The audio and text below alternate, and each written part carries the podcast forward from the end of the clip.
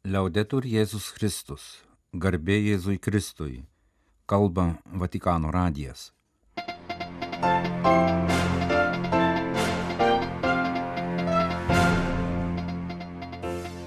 Malonus klausytojai šioje pirmadienio balandžio 17 programoje popiežiaus audiencija palaiminimų bendruomenės nariams. Sviatoslavo Ševčiuko interviu Vatikano radijui. Karas baigsis, paskutinį žodį tars taika ir gyvenimas. Rytų bažnyčių Velykos Romoje. Grįžta savaitgaliniai vakariniai susitikimai Vatikano muziejuose. Bangladeše nepilnamečių gyvenimo sąlygos kelia vis didesnį nerimą. Artėja pasaulinė Žemės diena.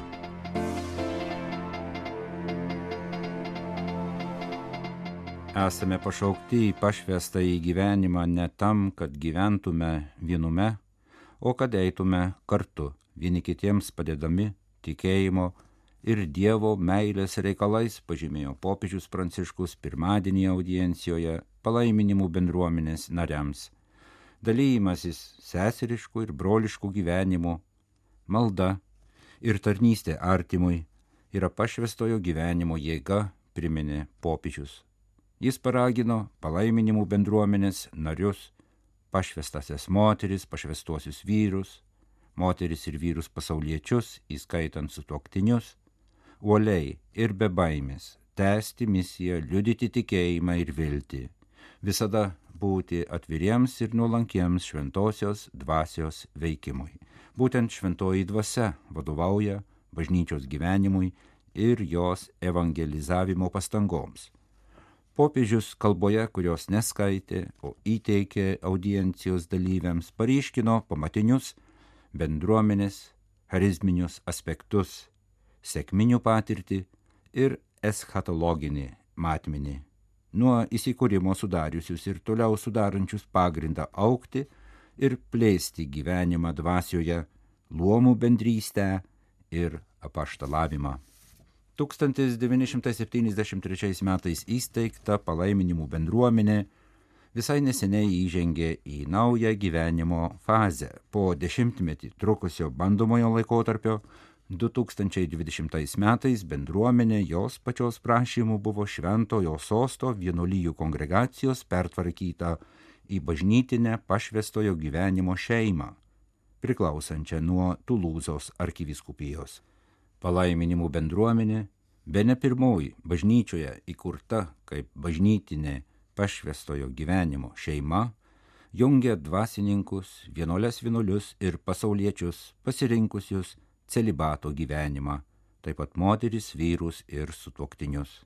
Šventojo sosto vienuolyjų ir pašvestojo gyvenimo kongregacija, dabar dikasterija, įsteigė naujos rūšies pašvestųjų institutą, siekdama atsiliepti į kai kurių naujų bendruomenių išsakytą troškimą gyventi pašvestą į gyvenimą.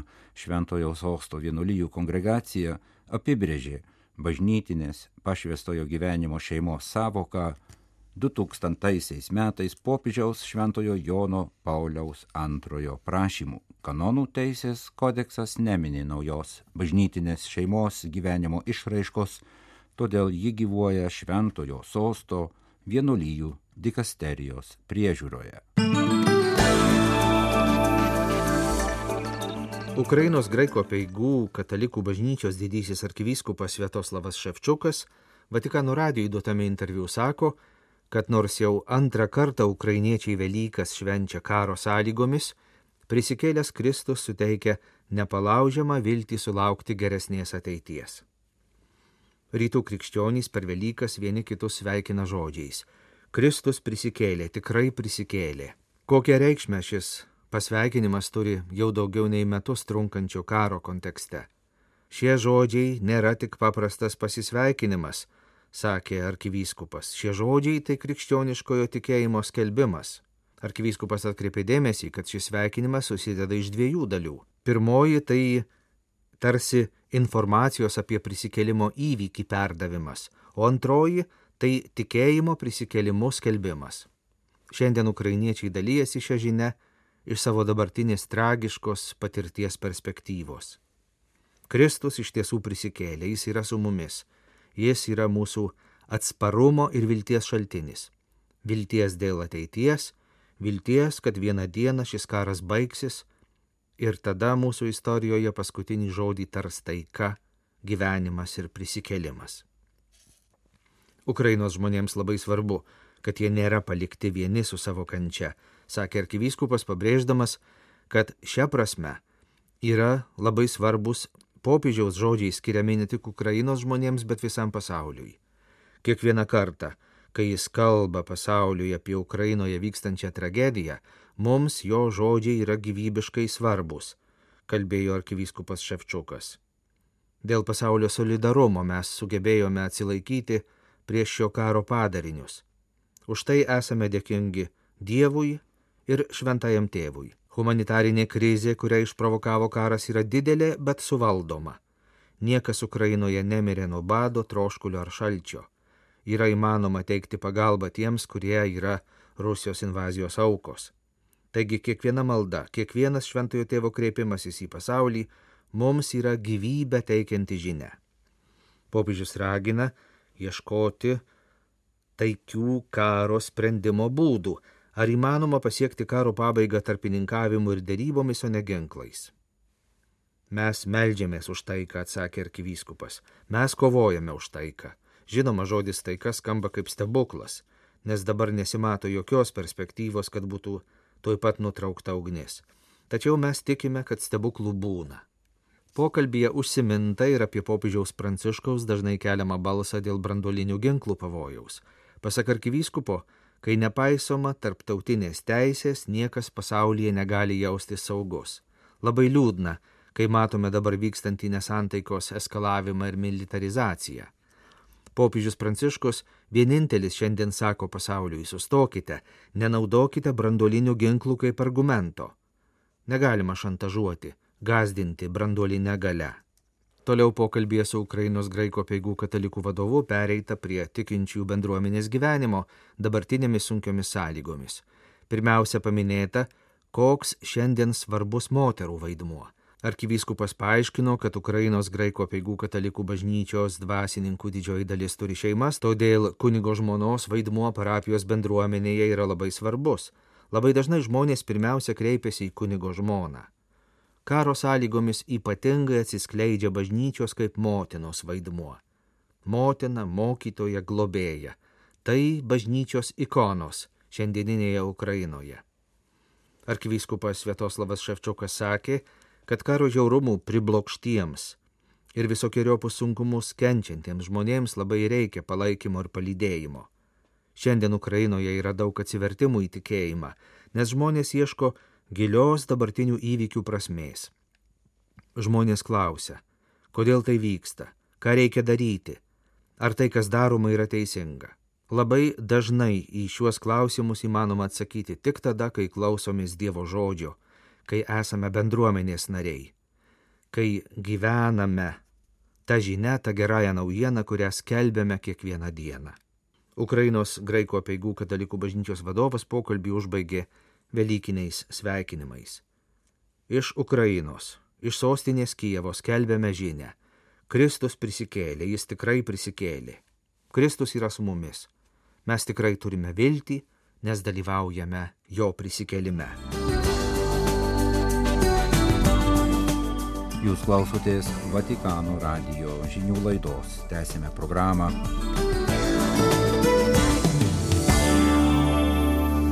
Šiandien Jėzus apkabina tuos, kurie kenčia dėl karo, tuos, kurie kaip pabėgėliai gyvena toli nuo savo namų, sakė ukrainietis kunigas Andrijus Vakruševas, vadovavęs sekmadienį Romos užtibrio švenčiausiosios mergelės Marijos bazilikoje rytų apeigomis švestai Velykų iškilmės liturgijai.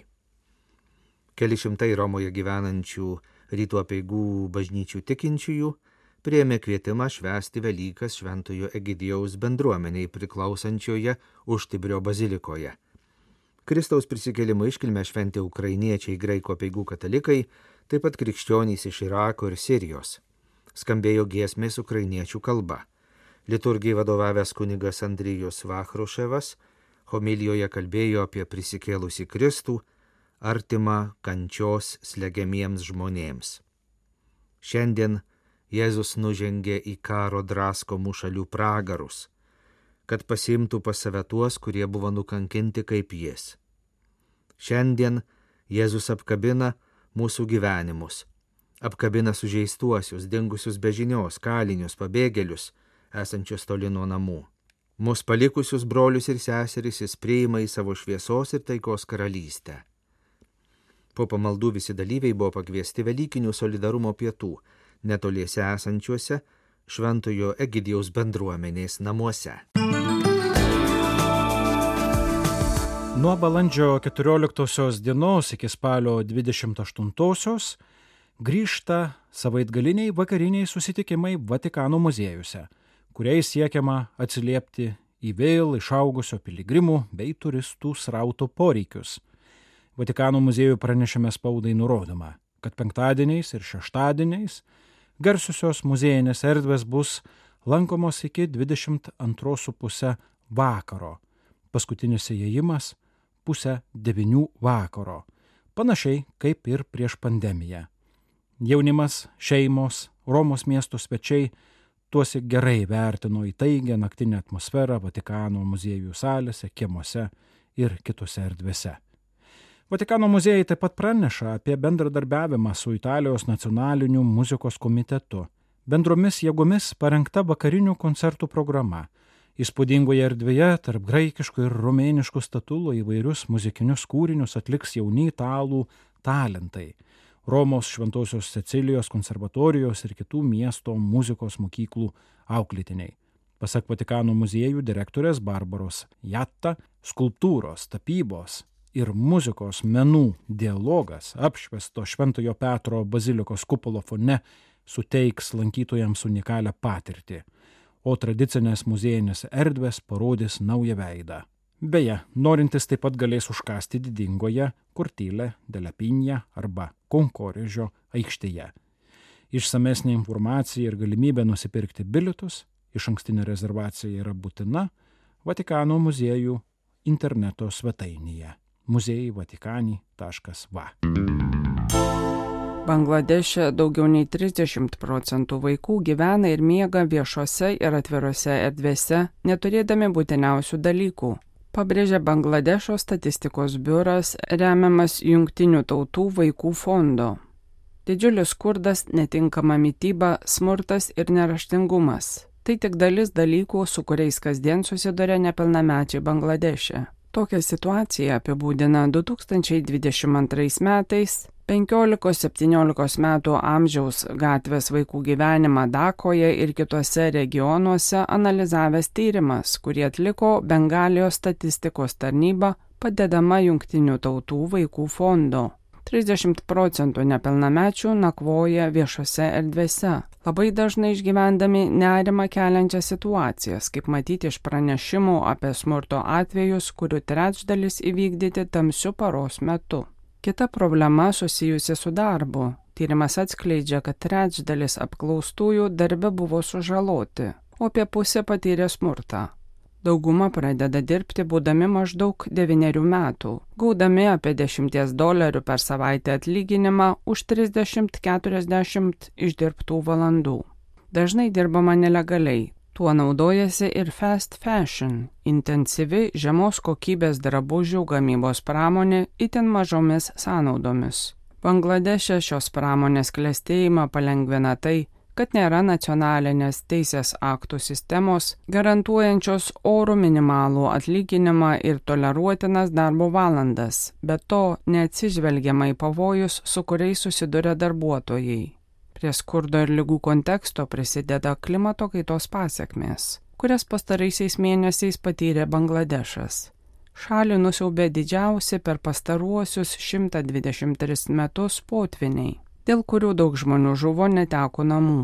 Pernai pasaulio sveikatos organizacija nurodė, kad antroji vaikų iki penkerių metų mirties priežastis yra nuskendimas. Per metus gyvybę prarado 14 tūkstančių vaikų. Pavojus gyventojams yra labai didelis, ypač kaimuose, kurie yra apsemti. Dėl to nukenčia infrastruktūra, elektrinės, namai, mokyklos, plinta kvepavimo takų infekcijos, odos lygos, kurios dar pablogina padėtį šalyje. Pagrindinė užduotimi vaikų gerovę besirūpinančioms organizacijoms Bangladeše išlieka įsipareigojimas užtikrinti, kad vaikai nebegyventų gatvėse ir būtų apsaugoti. Romoje Junktinių tautų programos plėtrai būstinėje balandžio 12 dieną pristatytos būsimos 53-osios Tarptautinės Žemės dienos iniciatyvos. Tarptautinė Žemės diena minima balandžio 22 dieną. Pagrindinis renginys Romoje - Kaimas Žemiai, vyksantis balandžio 21-25 dienomis. Iniciatyva apjungs aplinkosaugos, sporto, kultūros, mokslo renginius. Žemės diena svarbiausias Junktinių tautų aplinkosaugos renginys, kurį minė milijardai žmonių 193 šalise narėse. 53 Žemės diena kreipia institucijų ir visuomenės dėmesį į ekologijos temą, vis glaudžiau susijusią su darbo plėtros, sveikatos, mytybos, žemės išgyvenimo ir išgyvenimo žemėje klausimus. Junktinių tautų plėtros programos būstinėje vykusioje spaudos konferencijoje pristatyti minėjimo renginiai, vykstantis Italijoje. Pagrindinė iniciatyva, kurioje akcentuojamas planetos išsaugojimas ir stiprinamas ekologinis samoningumas kaimas Žemiai, vykstantis jau nuo 2016 metų kuris rengiamas kartu su fokoliarų judėjimu, įvardytas kaip vienas svarbiausių Žemės dienos minėjimo iniciatyvų pasauliniu mastu. Kaima Žemėje šiemet sudaro 600 renginių. Vienas esminių akcentų bus 17 Junktinių tautų 2030 m. darbo tvarkės tvaraus vystimosi tikslų pristatymas, kuris vyks 17 multimedijinių erdvių Joms vadovauja jauni akademikai iš įvairių universitetų, kuriuos koordinuoja Švenčiausios širdies katalikų universitetas. Šalia įvairių pokalbių šou numatyti ir gatvės menininkų pasirodymai aplinkosaugos tema. Kaimą pagyvins daugybė veiklų. Miško karabinierių biologinės įvairovės parkas, sporto kaimas, mokslo kaimas. Tikimasi sulaukti virš 200 tūkstančių lankytojų. Iniciatyvose dalyvauja ir lietuvių kilmės architekto Masimiliano Fuksas suprojektuoti kongresų rūmai debesis. Čia vyks 16 valandų trukmės multimedijinis maratonas One People, One Planet bei koncertas, kuriuo norima atkreipti dėmesį į aplinkosaugos problemas, raginti rūpintis mūsų bendrais namais. Spalio mėnesį Romoje rengiamas projektas for Climate - jaunimas už klimatą, kur iš viso pasaulio susirinkę 150 jaunuolių pristatys projektus energijos, švietimo, mytybos, miesto atsparumo temomis. Atrinkti inovatyvus projektai finansuojami, siekiant labiau įtraukti jaunimą, ieškant sprendimų, kaip atsiliepti į klimato krizės iššūkius.